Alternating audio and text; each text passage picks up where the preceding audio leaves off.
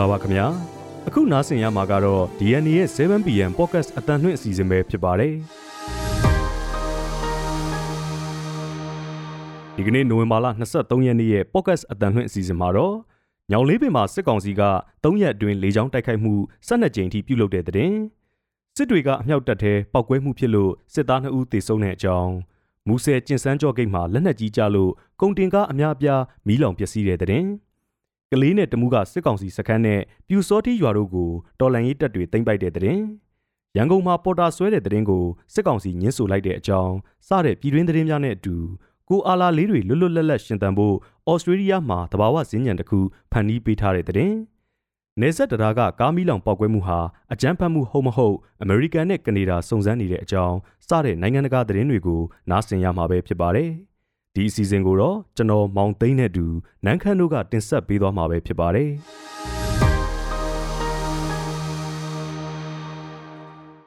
အခုပြည်တွင်းသတင်းတွေကိုတင်ဆက်ပေးပါမယ်ရှင်ပထမအဆုံးပြောပြချင်တဲ့အကြောင်းကတော့ညောင်လေးပင်မှာစကောင်စီက3ရက်အတွင်းလေကြောင်းတိုက်ခိုက်မှု12ကြိမ်ပြုလုပ်တယ်ဆိုတဲ့အကြောင်းပါ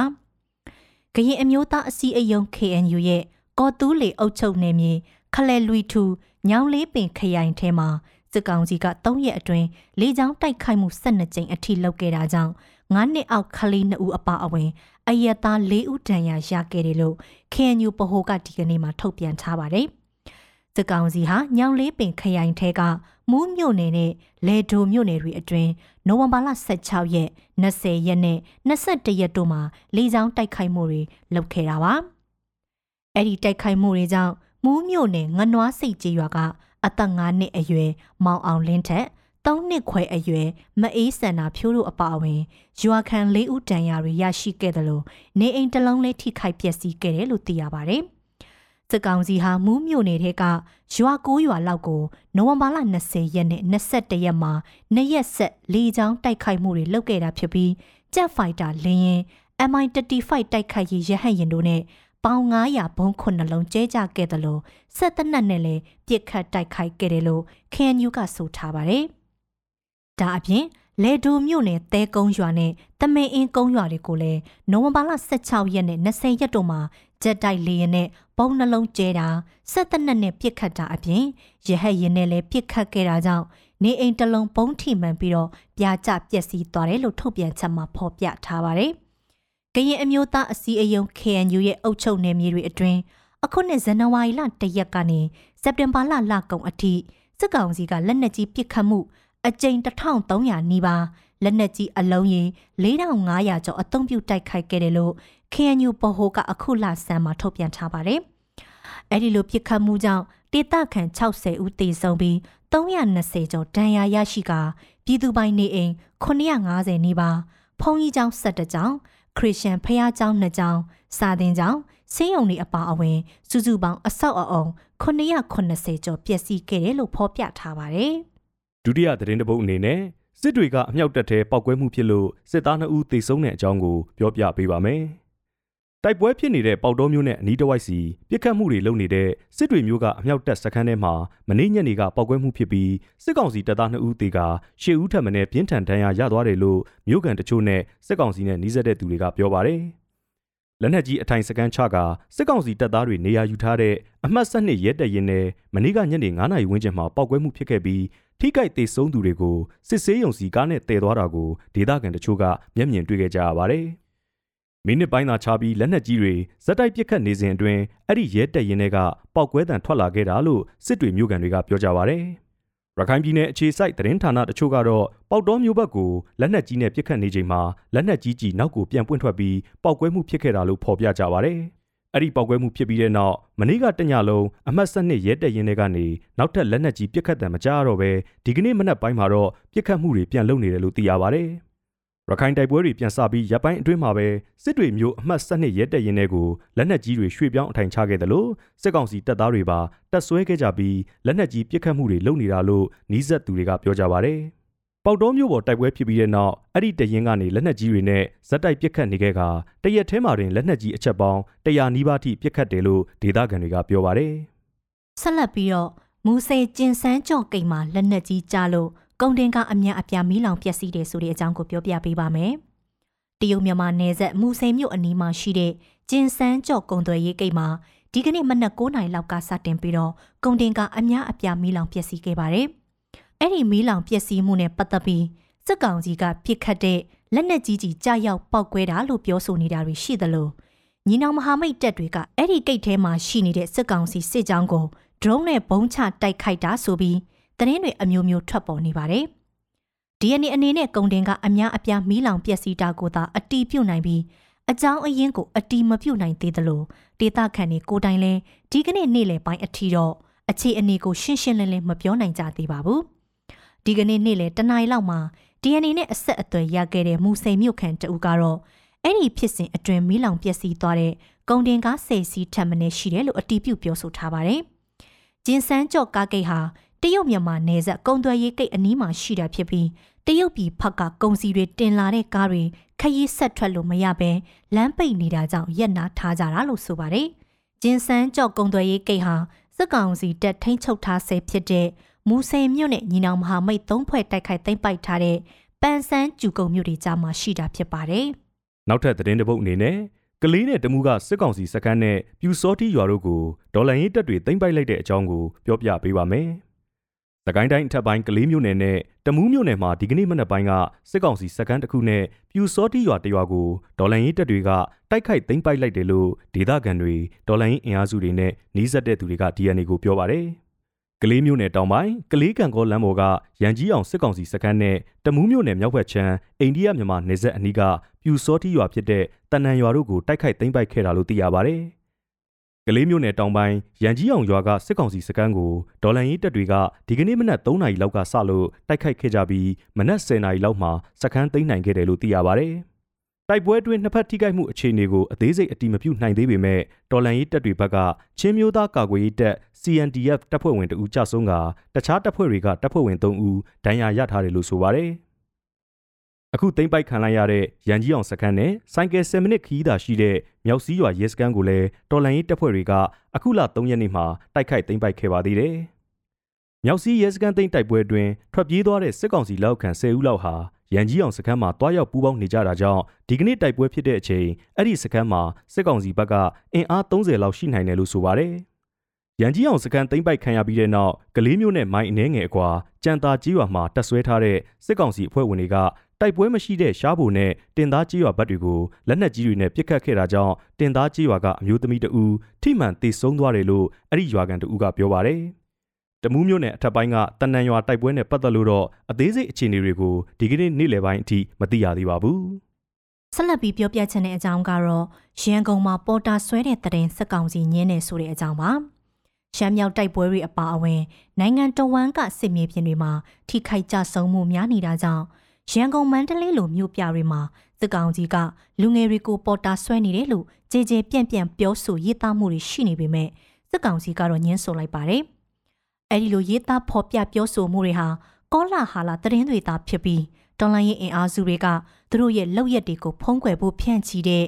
မဟုတ်မမှန်သတင်းတွေသာဖြစ်တယ်လို့စစ်ကောင်စီပြောခွင့်ရ ပိုကျုပ်စော်မင်းထွန်းကတုံ့ပြန်ထားပါတယ်။ဒါပေမဲ့နိုင်ငံတော်ဝန်မှညမထွက်ရအမိန့်တွေရုပ်သိမ်းလိုက်ခြင်းရှမ်းမြောက်တိုက်ပွဲတွေစတင်ပြင်းထန်ချိန်အော်တိုဘာလနောက်ဆုံးအပတ်ကစလို့မြို့ကြီးတွေမှာညအချိန်လူငယ်တွေကိုဖမ်းဆီးမှုတွေစက်တိုက်လုပ်နေတာနဲ့ပတ်သက်လို့တော့သူကဖြေရှင်းခဲ့တာမရှိပါဘူး။လက်တလောသတင်းတွေထွက်ပေါ်နေသလိုစစ်ကောင်ကြီးကလူငယ်တွေကိုစစ်ရေးအတွက်အသုံးချဖို့အလုံးအရင်နဲ့ပေါ်တာဆွဲနေတဲ့ဆိုတဲ့ပြောဆိုရေးသားမှုတွေကိုအတိမပြုတ်နိုင်သေးပေမဲ့ ဖမ်းဆီးမှုတွေကတော့စက်တိုက်ရှိနေတယ်လို့ရန်ကုန်မြို့ခံတွေကပြောကြပါဗျ။ကိုရိုင်းဖမ်းဆီးခံခဲ့ရသူတချို့ဖမ်းဆီးမှုကိုမျက်မြင်တွေ့ခဲ့သူတချို့နဲ့ DNA ကအဆက်အသွယ်ရခဲ့ပြီးသူတို့ကတော့ဖမ်းဆီးခံရသူအများစုဟာပြန်လွတ်ဖို့အတွက်ငွေကြေးတောင်းခံခဲ့ကြတာတွေရှိတယ်လို့ဆိုပါတယ်။ဒါကြောင့်ရန်ကုန်မြို့ခံတချို့ကလည်းပေါ်တာဆွဲတဲ့သတင်းတွေဟာမှန်ကန်မှုမရှိနိုင်ပဲအောက်ခြေစစ်ကောင်စီတပ်ဖွဲ့ဝင်တွေနဲ့ အုပ်ချုပ်ရေးအဖွဲ့တွေကလူငယ်တွေကိုဖမ်းပြီးငွေညစ်နေကြတာလို့ယူဆကြပါတယ်။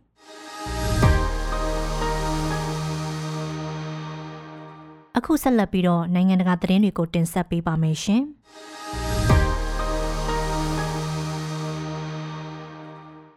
ဩစတြေးလျနိုင်ငံမှာမျိုးသုံးနိုင်တဲ့ချင်းချောက်မှုကြုံနေတဲ့ခိုအာလာဝက်ဝန်လေးတွေကိုကဲတင်ဖို့ခိုအာလာစင်းကြံတစ်ခုဖန်တီးနေခဲ့တာဟာ အခုဆိုရင်အတော်လေးရုပ်လုံးပေါ်လာနေပြီဖြစ်ပါတယ်။ New South Wales ပြည်နယ်က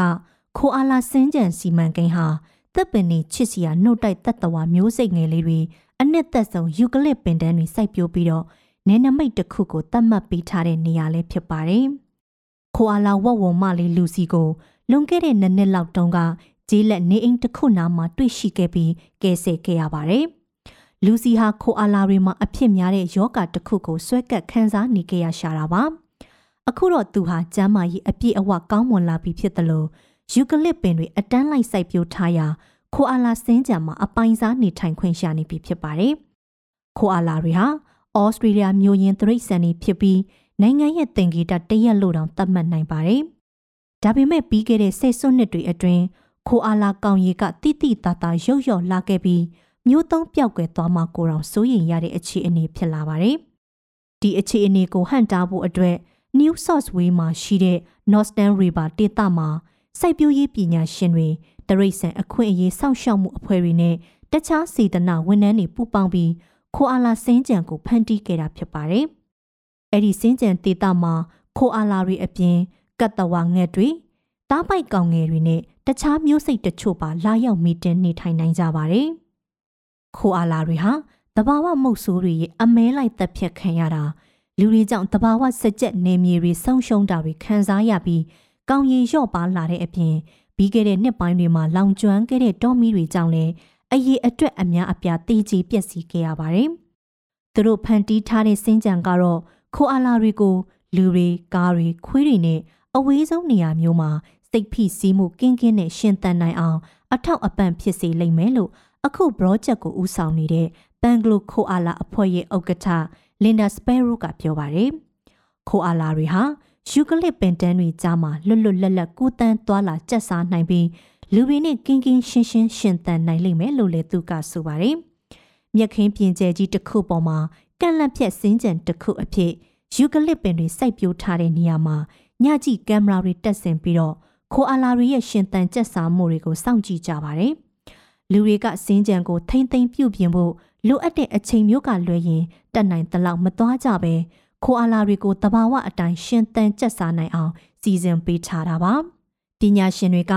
စနစ်တကျထိမ့်သိမ်းစောင့်ရှောက်မှုမရှိရင် New South Wales ပြည်နယ်မှာ2050ပြည့်နှစ်မတိုင်ခင်ကိုအာလာတကောင်မှမကြံတော့တဲ့အထိမျိုးသုံးသွားနိုင်တယ်လို့လည်းသတိပေးထားပါတယ်။2001ခုနှစ်ကစလို့ New South Wales မှာ ခွာလာကောင်ရင်62ရာခိုင်နှုန်းနဲ့ Queensland ပြည်နယ်မှာ90ရာခိုင်နှုန်းလောက်တိတိတသာကျဆင်းသွားတယ်လို့လည်းသိရပါတယ်။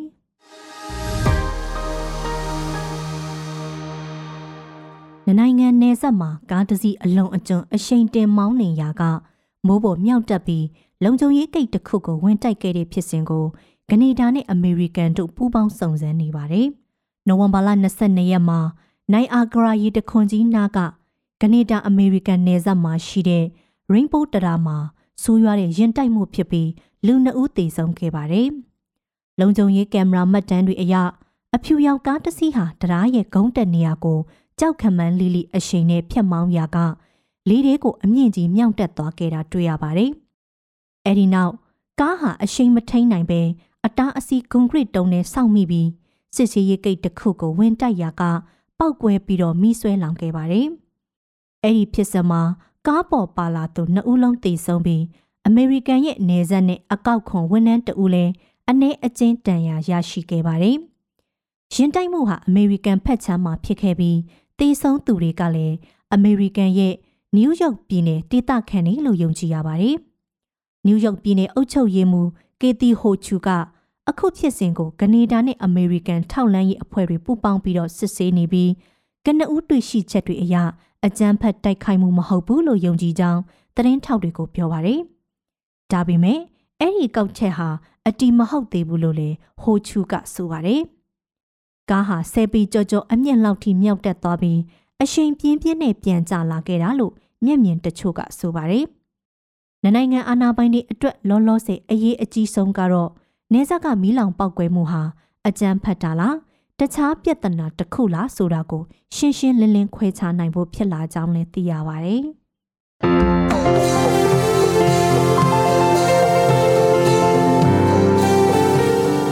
DNA ရဲ့ podcast အတန်လွင့်အစီအစဉ်ကိုအပတ်စဉ်တင်းလာနေကနေတောက်ကြနေည9:00နာရီတိုင်းမှာတင်ဆက်ပေးသွားမှာပဲဖြစ်ပါတယ်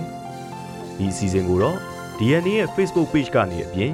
Anchor, Spotify နဲ့ Google Podcast တို့တွေကနေတဆင့်လဲနားဆင်နိုင်ပါတယ်ခင်ဗျာ။ Música